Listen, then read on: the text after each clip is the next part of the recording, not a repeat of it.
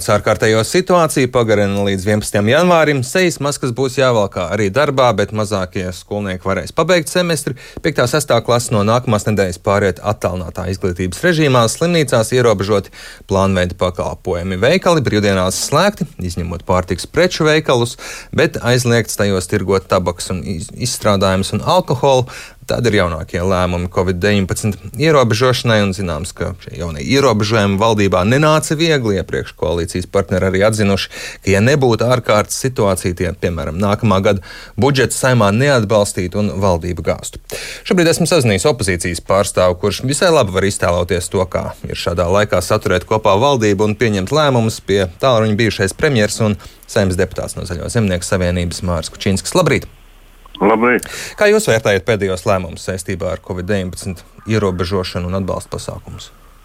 Nu, viņus jau vislabāk var vērtēt, tad, ja valdībā no iekšienes, ja visi apstākļi, kādi ir izstāstīti, valdības sēdes ir garas, bet, nu, protams, jautājumu, jautājumu diezgan daudz visā šajā procesā rodas, un joprojām tas iespējas, ka diezgan haotiski tas tiek vadīts šī krīze, viņš joprojām paliek. Vai tas būs efektīvi, man ļoti grūti pateikt, jo es katrā ziņā palieku pie uzskatu, ka krīzes īstenībā politiski vadīt nevar un nevajag. Un, un mēs jau pavasarī runājam par krīzes vadības centru, kas būtu jāizveido. Un, un, protams, ka tam jābūt ciešā saziņā ar premjeru, bet uh, valdība pēc tam tikai var vienu vai otru variantu pieņemt no tā vai nepieņemt, bet viņa mazliet šobrīd brīžiem šķiet iet vairāk emocionāli nekā nekā, nekā pragmatiski. Ja, pavasarī vairāk bija tie lēmumi tādi tehniski. Mēs darām to, tāpēc, ka epidemiologi uh, liek, un mēs redzējām, ka arī tā, tā, tā situācija bija tai cauri tikām stipri vieglāk kā pirmrindnieki. Tagad tam traucē jūsuprāt politika? Mm, es piemīdzināju droši, droši vien pavasarī. Izdevās iekļūt tajā pulciņā, kas, kas, kas skaitās tiešām, kā jūs teicāt, pirmrīdnieki visi sit viens otram uz pleca, un tad likās, ka valdība to ir pati izdarījusi klausoties, bet nu, patiesībā droši vien, ka taisnība ir tiem, ka nu, divi tādi likumi, kas nerakstītie likumi droši vien, ka krīzes, ka jebkurai krīzei, un šī noteikti ir krīze, ir jābūt vienam centram. Un uh, komunikācijā arī ir jāzina, kurš tad pasaka to galveno lēmumu. Tas šajā gadījumā droši vien ir premjerministrs, bet ciešā saziņā ar kādu atbildīgo. Un es nevaru pateikt, kurš tad ir tas otrs atbildīgais. Vai tā ir veselības ministrs, vai tas ir kāds cits, vai valdība kopumā, ņemot vērā, ka valdība, diemžēl, jau no paša sākuma nu, pilnīgi noteikti tas pat nav jau minējums. Viņi nav nestrādā kā komanda. Tad var saprast, ka iekšienē katrs velk uz savu pusi. Un, nu, sliktākais ir nu, jau tā, ka netiek pieņemti lēmumi. Un, protams, ka signāli tiek dots, cilvēkiem ir jābūt piesardzīgiem. Un, un mums tas, tas viss ir jārespektē, bet brīžiem pat kā saimnes deputātiem ir jātulko, ko tad valdība ar to gribēja teikt un kāpēc. Nu jā, jāatzīst, ka valdības varas komunikācija ar sabiedrību un lēmumu pieņemšanu nav bijusi diezko gluda. Bet esat bijis premjerministrs. Cik sarežģīti šobrīd ir premjeram noturēt kopā valdību? Zinām, ka IKP pirms nedēļas runājot par nodokļu izmaiņām, visai skaidri pateica šeit uh, studijā, ka ja nebūtu pandēmija un krīzes, viņi budžetu neatbalstītu un valdība kristu. Nu, IKP šobrīd spēlē tādu iekšējo opozicionāru lomu. Ja jau nu, būtu kaut kas jādara, tad nezinu, vai darīt. Bet katrā valdībā, gan arī katrā valdībā, kāds ir, kas, kas grib pateikt, ka mēs esam labāki nekā tie pārējie. Paties. Tā noteikti nav patiesība. Valdības tik grūti bija saspiķējama, tik nu, nevar teikt to, kas nav izmēģināts. Es nezinu, kā ir saturēt kopā piecus tik dažādus spēkus, no kuriem divi ir jaunie populisti, teikt, kas ir ienākuši pavisam, pavisam no malas. Lai varēja izveidot komandu, bet nu, šobrīd pilnīgi noteikti, ja valdība turās vēl kopā, tad droši vien ir taisnība, tāpēc, ka ir krīze un tas būtu nepiedienīgi, un arī tāpēc, ka katram tur kaut ko var zaudēt, ir, ir riski kopā, bet tas noteikti, tas noteikti nestimulē darbu un būs attīstība. Kādi ministri būtu jānomaina? Ir kādi, kurus redzat, kuri netiek galā ar savu jomu un galīgi nav komandas spēlētāji. Un, nu, to es atstāšu premjeram, un, un, un tas ir jāvērtē. Tas ir jāvērtē viņam no iekšienes. Premjeras var atļauties šobrīd pateikt kādam, ka viņš domāju, ka netiek vajag, galā un jānomāja. Vajag nevis. Nu, nevar tā pieņemt katru, kas te nu, nu, pasaka, ka viņš būs ministrs. Tomēr ir jau jāvērtē, cik cilvēkam ir jābūt kapacitātei un jābūt arī zināšanām. Tāpēc es vēlreiz atgriežos pie kā es teicu. Man šķiet, ka krīze politiski vadīt nu, nav pareizi. Ir jā, tā krīze ir jāvada profesionāļiem un ministriem ir, ministriem ir kaut ko jāvērtē viens otrs jautājums. Nevis visi tagad mums lielie covid speciālisti valdībā ir katrs ministrs. Runājot par valdības stabilitāti, izveidotos tāda situācija, ka būtu nepieciešams ZZS atbalsts, ZZS būtu gatavi strādāt valdībā? Nu, es domāju, ka tiksim galā ar budžetu. Es nedomāju, ka tā tāda no IKP pozēšanās paskatieties, kā balso par budžetu. Visi kā tāda zaudātiņa nav. Budžets šoreiz ir ļoti savāds gan tāpēc, ka ir apstākļi, gan, gan pilnīgi nevajadzīgi ielikts budžetā atsevišķas nodokļu izmaiņas, sitot mazos uzņēmējus. Nākamais aizmirst jau pirms nedēļas, varēja savus algas iesaldēt. Ministri šobrīd ir vienkārši nepieklājīgi to nedarīt.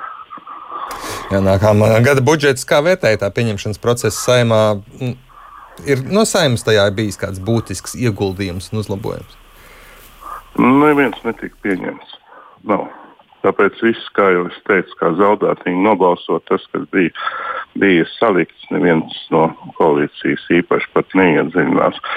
Bet, kā jau es teicu, man šķiet šīs, šīs lietas arī nu, tie mikro uzņēmumi, mazais bizness, uzlikt nodokļi. Iespējams, jā, es piekrītu, šī sistēma ir jāsakārto un jābūt skaidrībai, kādas biznesa formas var cilvēks iet iekšā, ar ko rēķināties, bet, bet ne jau kontekstā ar ļoti ātri uz budžeta laiku un uh, vēl šobrīd krīzes brīdī, kad vienlaicīgi iet uh, diskusija par to, kā atbalstīt uzņēmējdarbību, kā atbalstīt, lai cilvēki šim grūtajam brīdim tiktu pāri, jo arī šīs attālinātās mācības kas īpaši arī mazākajiem, kas tagad iet un uz ko diskutē, viņus jau rezultātā iesit biznesam, tāpēc ka vecākiem ir jāpaliek mājās, bērni nedrīkst palikt bez pieskatīšanas, un uh, darbvietās darbvietas paliek tukšas. Es zinu pat uzņēmums, kur jau mēs nespējam pildīt savus pasūtījumus, un, un šai brīdī biznesam un uzņēmējiem ir jāpalīdz, jāpalīdz un jāpriecājas, ka vispār viņi sevi pabaro, ģimeni pabaro, bet nedrīkst mainīt vēl nodokļus un baidīt par to, ka jums to viņi būs daudz sliktāk.